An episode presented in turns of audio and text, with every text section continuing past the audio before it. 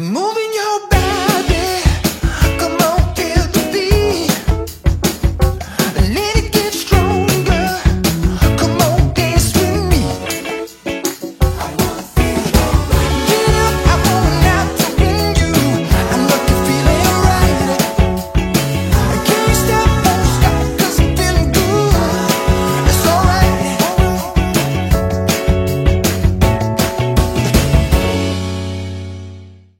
Dobry, Katarzyna Urbańska. Witam w kolejnym odcinku programu Okiem Byłej Frankowiczki. Dzisiaj moim gościem jest mecenas Bartosz Sowa. Dzień dobry. Dzień dobry Państwu, dzień dobry.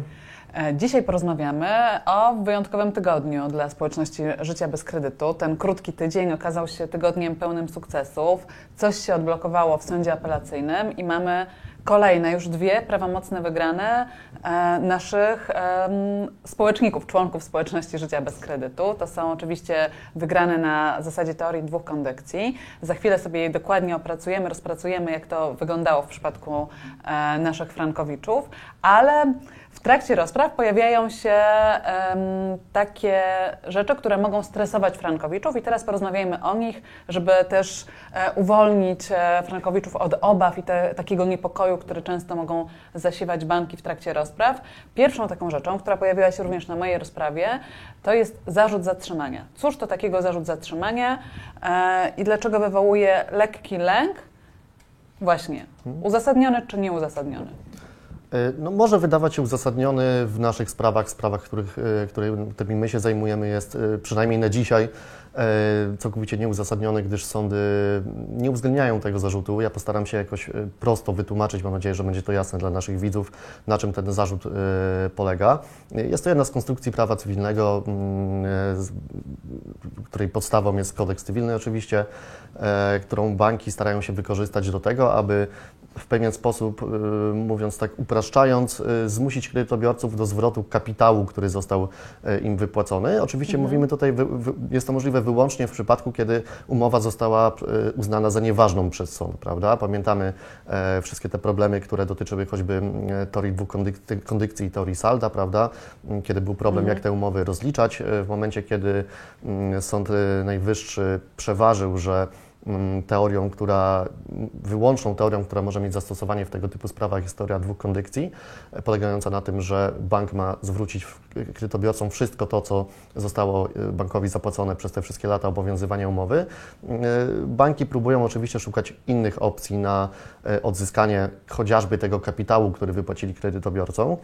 No i tak e, No właśnie, wtedy wchodzi ten zarzut zatrzymania. Cóż Dokładnie. to takiego? Ja może przytoczę artykuł 496 kodeksu cywilnego, który jest podstawą em, żądań banku. Brzmi on następująco. Jeżeli wskutek odstąpienia od umowy strony mają dokonać zwrotu świadczeń wzajemnych, każdej z nich przysługuje prawo zatrzymania, dopóki druga strona nie zaoferuje zwrotu otrzymanego świadczenia albo nie zabezpieczy roszczenia o zwrot. Tutaj jest oczywiście mowa o odstąpieniu od umowy, więc tutaj nie mamy przypadku odstąpienia od umowy, ale wtedy wchodzi w grę artykuł 497, który mówi o tym, że ten przepis, o którym wspomniałem, stosuje się odpowiednio w razie rozwiązania lub nieważności umowy wzajemnej. I słowo umowy wzajemnej jest niezwykle ważne. Tak, bo to jest ten kluczowy punkt, na którym się za- zatrzymajmy na chwilę. Dokładnie tak, musimy się tutaj zatrzymać, gdyż tu już jest mowa o rozwiązaniu lub nieważności umowy, także...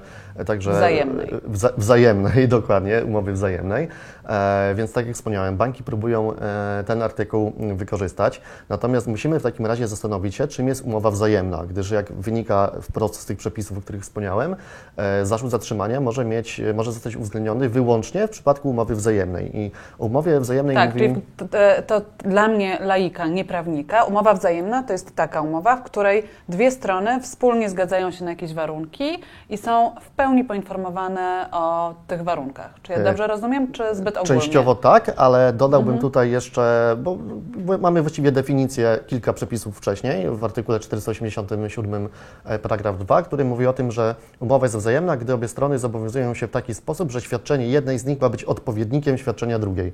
To znaczy taką typową Jasne. wzajemną jest umowa sprzedaży na przykład, kiedy e, załóżmy, ja z Panią umawiam się na zakup powiedzmy samochodu, dogadujemy sobie cenę, którą uważamy za, e, za właściwą, ja Pani płacę, Pani sprzedaje mi samochód, prawda? Więc y, jedno świadczenie jest ekwiwalentem drugiego.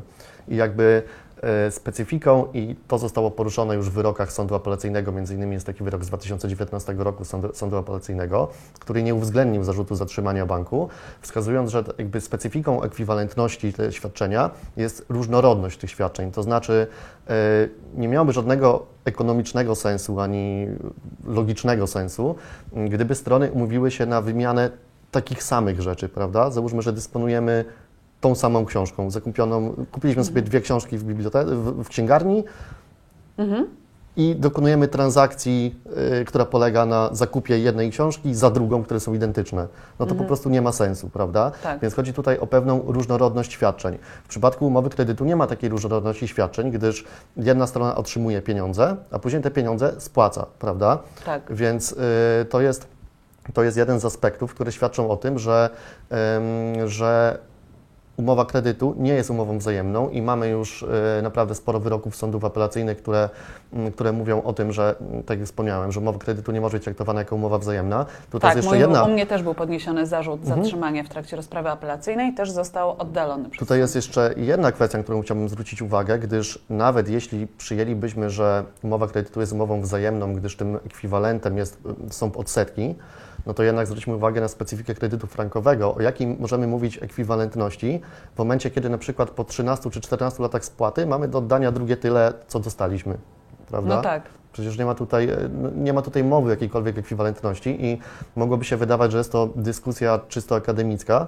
Natomiast jak widać nie jest, gdyż przesą- przesądzenie o tym, czy mamy do, do czynienia z umową wzajemną, czy nie, decyduje o tym, czy sąd może uwzględnić e, wniosek e, czy zarzut e, banku, zarzut zatrzymania. W naszej ocenie ten zarzut jest niemożliwy, gdyż, tak jak wspomniałem, nie mamy do czynienia z umową wzajemną i w naszych sprawach, które zostały już prawomocnie zakończone, sądy przychylały się do naszego stanowiska, że nie ma mowy w przypadku umowy kredytu o umowie wzajemnej. Tak, czyli to, co może wywołać lekki niepokój w trakcie rozpraw, czyli właśnie ten pojawiający się zarzut zatrzymania, nie dotyczy umów frankowych, prawda? Zgadza tak się. W naszej ocenie, w, w sprawach, którymi my się zajmujemy, Tak. e, w sprawach, które mamy prawomocnie zakończone, e, sądy jeszcze ani razu nie uwzględniły zarzutu zatrzymania. To druga kwestia, która się pojawia w trakcie właśnie rozpraw, Frankowicze się jej obawiają, właśnie pytanie słusznie, niesłusznie, to wynagrodzenie za korzystanie z kapitału. To Tutaj jest coś, co faktycznie wywołuje lęk, bo nie zapomnę tego momentu, w którym dostałam bardzo duży plik e, wydruków, tabelek e, i przeliczeń banku, w którym właśnie udowodniono mi, że ja korzystałam z kapitału. Mhm. O co chodzi? Tutaj, tutaj sprawa wydaje się jeszcze prostsza i nie powinna wzbudzać w sądach żadnych kontrowersji. Mm, otóż y, nie możemy mówić o jakimkolwiek wynagrodzeniu za korzystanie z kapitału, jeśli umowa zostaje uznana za nieważną z winy przedsiębiorcy, w tym przypadku z winy jeszcze tak uprzywilejowanego przedsiębiorcy jak bank, posiadającego tak bogate zaplecze, czy to prawne, czy ekonomi- ekonomiczne, który jako profesjonalista powinien zawrzeć umowę, która nie jest później uznana za nieważną, prawda? Z, a z no jakiegoś tak, powodu. mając takie doświadczenie, taką wiedzę, Dokładnie. tyle I taki, danych. Mhm. taki kapitał, y, choćby w postaci e, fachowców pra, pracujących i sporządzają- sporządzających takie umowy, prawda? E, tutaj należy zwrócić uwagę na przepisy europejskie mm, e, i, i przepisy polskie. E, nawet rzecznik finansowy zwracał na to uwagę, że nie ma absolutnie żadnych podstaw prawnych ku temu, aby ani podstaw prawnych w prawie europejskim, ani polskim, które dawałyby jakąkolwiek możliwość na żądanie przez banki mm, wynagrodzenia za korzystanie z kapitału. E, I tutaj jest, wchodzi pewna istotna kwestia, ponieważ już Trybunał Sprawiedliwości Unii Europejskiej zauważył, że mm, pewne sankcje zastosowane przez sąd, czyli w naszym przypadku, wo- wobec banku, czyli w naszym przypadku e, uznanie umowy za nieważną, Mhm. muszą mieć pewien efekt odstraszający. I o jakim mówilibyśmy Tak, żeby efekcie... drugi raz nie narazić Dokładnie. konsumentów na podobne A, ryzyko. Dokładnie. O jakim efekcie odstraszającym moglibyśmy mówić w momencie, kiedy bank po tym, jak umowa zostaje uznana za nieważną z winy banku, dostaje może jeszcze dostać wynagrodzenie, pieniądze, prawda? tak. Czyli jakby można powiedzieć, y, otrzymuje to, co otrzymywałby w ramach spłaty w postaci odsetek, prawda? Więc nie ma tutaj mowy o, o tym, aby mm, przychylenie się do, e, do ewentualnego pozwu banku, chociaż tutaj chciałbym podkreślić, że jeszcze nie spotkaliśmy się w ramach naszej praktyki z tym, aby bank pozwał klienta o, mm, o, o wynagrodzenie za korzystanie z kapitału. E, Natomiast chciałbym tutaj jeszcze zwrócić uwagę na jedną rzecz.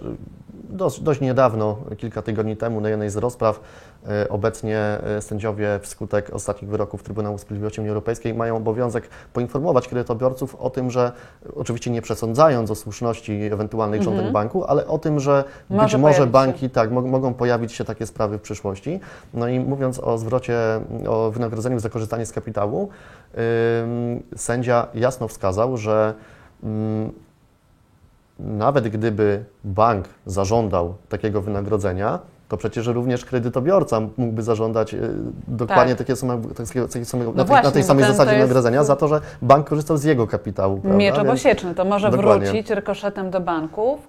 E, niby straszak, który ma powstrzymać frankowiczów przed e, takimi ruchami jak pozywanie, może okazać się zupełnie odwrotne w skutku. Otóż tak, no, y, moim zdaniem jednak traktowałbym to w kategorii, tak jak Pani powiedziała, straszaka, gdyż naprawdę no, nie widać tutaj żadnych podstaw prawnych, które mogłyby mm, przesądzić o tym, że, że, że takie roszczenia będą uznane za słuszne.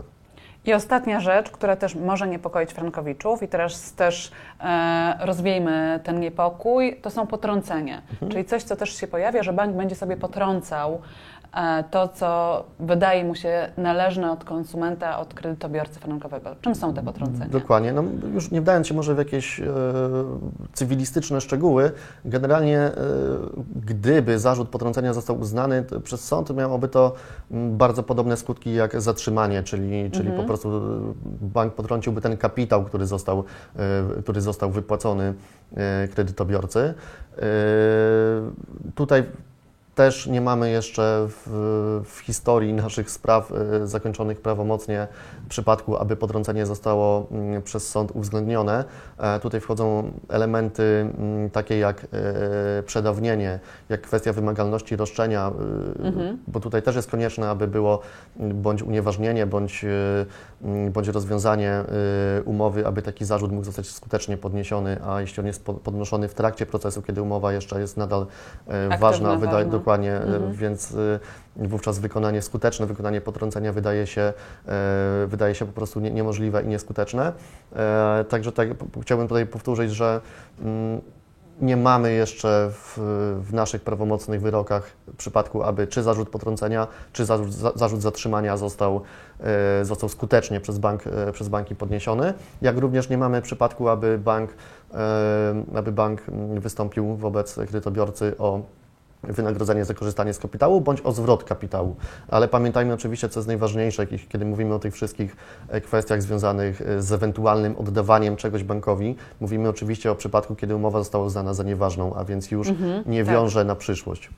Panie mecenasie, pojawiają się pisma z banków, z jednego konkretnego banku, e, wezwania do zapłaty. Czym są te wezwania do zapłaty i czy frankowicze powinni się ich obawiać? W jakim momencie oni dostają takie pisma? Mm, To znaczy, jeśli pojawia się wez, wezwanie do zapłaty z banku, faktycznie mm, pojawiały się takie, e, takie, takie pisma, no ciężko tutaj mówić o jakiejkolwiek podsta- podstawie prawnej takiego pisma, ponieważ mm, przyjmijmy, że mBank żąda zwrotu kapitału, a sprawa ciągle trwa, prawda? Tak. No, zwrot kapitału ewentualny, jeśli o nim mówimy, e, może się pojawić, do, dopiero, hipotetyczna możliwość zwrotu kapitału może pojawić się dopiero po unieważnieniu umowy, więc... A nie w e, trakcie jej trwania, tak a- jak teraz frankowicze tak, no dostają takie pisma. na zasadzie mieć ciastko i zjeść ciastko, prawda? Mimo, że Tak. Emak już tych ciastek dużo zjadł, e, to mm, tak jak mówię, to jest taka zasada, no bo nie jest możliwe jakiekolwiek rozliczenie się z, mm, z kredytobiorcą w momencie, kiedy trwa proces i kiedy Emak jednocześnie uważa, że umowa jest ważna, więc na jakiej podstawie może żądać,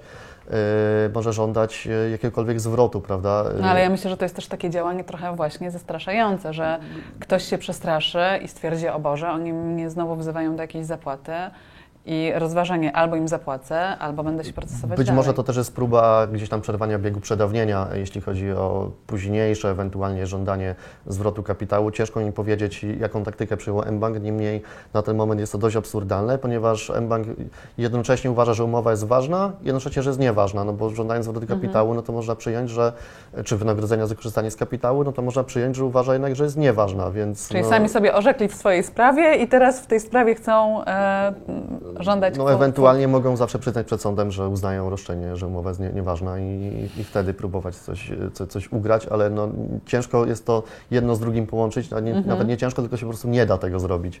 No tak, E, trudno znaleźć strategię tego postępowania. Dokładnie. Czyli też rozwiewamy obawy frankowiczów, mają się nie przejmować pismami, w których e, bank wzywa ich do zapłaty. Zdecydowanie, tego mówię, powtórzę raz jeszcze. y, Na ten moment nie mamy żadnej sprawy wytoczonej przez bank, czy to o zwrot kapitału, czy to o wynagrodzenie za korzystanie z kapitału.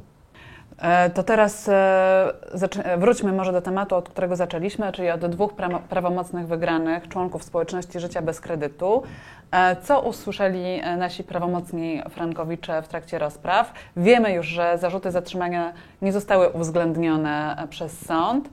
Oba wyroki na zasadzie teorii dwóch kondycji. Co to za wyroki? Co więcej możemy o nich powiedzieć? Tak, teoria, teoria dwóch kondycji to no jakby już e, stała się standardem i nie ma co się dziwić, gdyż e, to jest efekt e, uchwały z 16 lutego Sądu Najwyższego, który jasno Mhm. wskazał, że umowy muszą być rozliczane na zasadzie teorii, teorii dwóch kondycji. E, oczywiście zasądzone zostały wszystkie raty, które, które były spłacone przez e, cały okres kredytowania przez kredytobiorców. E, argumentacja sądów była e, spójna i właściwie identyczna jak argumentacja mm, w większości tego typu spraw, to znaczy em, po pierwsze fakt, że bank mógł dowolnie kształtować wysokość zobowiązania kredytobiorcy, także to jest ten jakby główny czynnik, który przesądza Mhm. o tym, że, e, że ta umowa jest nieuczci- nieuczciwa, gdyż to jest po prostu naruszenie podstawowych zasad prawa cywilnego, prawa zobowiązań. No, nie może być sytuacji, kiedy to mm, e, wskutek woli wyłącznie jednej, Jednej ze stron strony. e, wysokość zobowiązania drugiej strony zostaje, e, zostaje kształtowana dowolnie. Także generalnie powiedziałbym, argumentacja sądów była standardowa, taka z jaką się spotykamy w ostatnich latach najczęściej. Rozliczenie, tak jak Pani powiedziała, na zasadzie dwu, teorii dwóch kondycji. E, mm, No i oczywiście, co za tym idzie, zwrot wszystkich rat zapłaconych przez kredytobiorców przez cały okres kredytowania. I oczywiście uznanie umowy za nieważną na przyszłość. Czy można sądzić po ostatnich wyrokach e, sądu apelacyjnego, że coś się odblokowało po tym czasie chwilowego zatrzymania rozpraw w sądzie apelacyjnym i oczekiwania na decyzję Sądu Najwyższego? Czy coś się ruszyło? Możemy się spodziewać na dniach, tygodniach kolejnych e, prawomocnych unieważnień umów? Zgadza się, mieliśmy sporo zawieszeń w sądach apelacyjnych z uwagi na tą, powiedziałbym, chyba nie, niesławną, można użyć słowa, Mhm. uchwałę Sądu Najwyższego, która e, tak Której naprawdę może, nie ma. której nie ma, nie ma Tak. żadnej daty, kiedy nawet przybliżonej, kiedy ona może zapaść, ona może w ogóle nie zapaść. Także z uwagi na to sądy apelacyjne zaczęły odwieszać sprawy, e, tak jak Pani powiedziała, dopiero co mieliśmy dwa wyroki w sądach apelacyjnych, czekamy na kolejne, które zapadną już e, w tym miesiącu, także zdecydowanie ruszyło. Mm, Tak, bo e, chyba też konstytucja musi gwarantować nam prawo do niezwłocznego zakończenia Oczywiście postępowania. zasada również szybkości postępowania, prawda? Także, e, także no, zdecydowanie, tak jak Pani powiedziała, to wszystko ruszyło. Też mógłbym powiedzieć, że nawet w pierwszej instancji spotykamy się ze sprawami. Mieliśmy mm, w październiku trzy wyroki, które zapadły w ciągu pół roku od e, złożenia pozwu. E, Wszystko rozstrzygnęło się na jednej rozprawie. Mm, e, Sądy oddaliły wnioski dowodowe ba- banków, na przykład o przesłuchanie świadków e, banku, co by Mhm. tylko wydłużyło postępowanie, a zbyt wiele by nie wniosło. Mm, Także sądy wyłącznie wezwały na rozprawę strony, przes- przesłuchały strony i wydały wyrok po jednej rozprawie. Także mieliśmy przypadki, gdzie mm, bodajże trzy przypadki, gdzie pozwy złożone w marcu mm, zostały w tych sprawach wydane wyroki już w październiku, także no, zaledwie pół roku. I to jest bardzo dobra informacja też dla tych frankowiczów, którzy wciąż nie pozwali banku, czyli w ciągu pół roku frankowicze złożyli pozew i dostali wyrok e, pierwszej instancji. Dokładnie tak. Także nie ma co tutaj się zastanawiać. E, To e, o tyle dobra informacja, bo często frankowicze coraz częściej dostają z banków e, te takie, nie wiem jak to nazwać, propozycje ugód. E, Więc tutaj chyba jak ma się na stole dwie opcje, pozew czy ugoda z bankiem, warto skorzystać z opcji, która e, daje nam więcej e, realnie korzyści, e, konsekwencji, bo to już nie jest tak przewlekłe postępowanie, jak mogłoby się wydawać, no bo pół roku to jest czas, który myślę możemy sobie e, uwzględnić e, w naszej historii Oczywiście, no, musimy panu założyć, że no, najprawdopodobniej bank się odwoła i jeszcze, i jeszcze pewnie około roku ta sprawa potrwa w drugiej instancji, Mhm. ale nawet gdyby ona się zamknęła w półtora roku, no to to i tak jest myślę super, super wynik, który no i gra jest na pewno warta świeczki, prawda? Także to nie ulega wątpliwości. E, Co do tych ewentualnych propozycji ugodowych, o których Pani powiedziała, no jednak zawsze tutaj warto, warto skonsultować się z, z fachowcem, ponieważ no nie spotkaliśmy się jeszcze z propozycją ugodową, która byłaby chociażby y, zbliżona pod kątem jej y, Korzyści korzyści tak, do, do, do wyroku, który zapada. Także, także no, z takimi propozycjami jeszcze się nie spotkaliśmy. Bardzo dziękuję Panie mecenasie. To Dziękuję był bardzo. bardzo dobry tydzień dla wszystkich Frankowiczów. E, Kolejne dobre tygodnie i dobre miesiące, jak widać, przed nami, bo coś się odblokowało. Sądy zaczęły już sprawnie działać w kwestii e, frankowe, e, frankowych, dlatego że mimo, że wciąż nie mamy orzeczenia Sądu Najwyższego, to sądy apelacyjne wzięły pod uwagę poprzednie orzeczenia niepełnych skład Izby Sądu niepełnego składu Izby Sądu Najwyższego i wyroków TSUE i faktycznie te wyroki są skuteczne. E, Frankowicze wygrywają już prawomocnie. Czekamy na kolejne fajne rozstrzygnięcia frankowe i mam nadzieję, że w kolejnym tygodniu spotkamy się ze szczęśliwie wygranymi prawomocnymi Frankowiczami. Bardzo dziękuję. Dziękuję bardzo, dziękuję Państwu.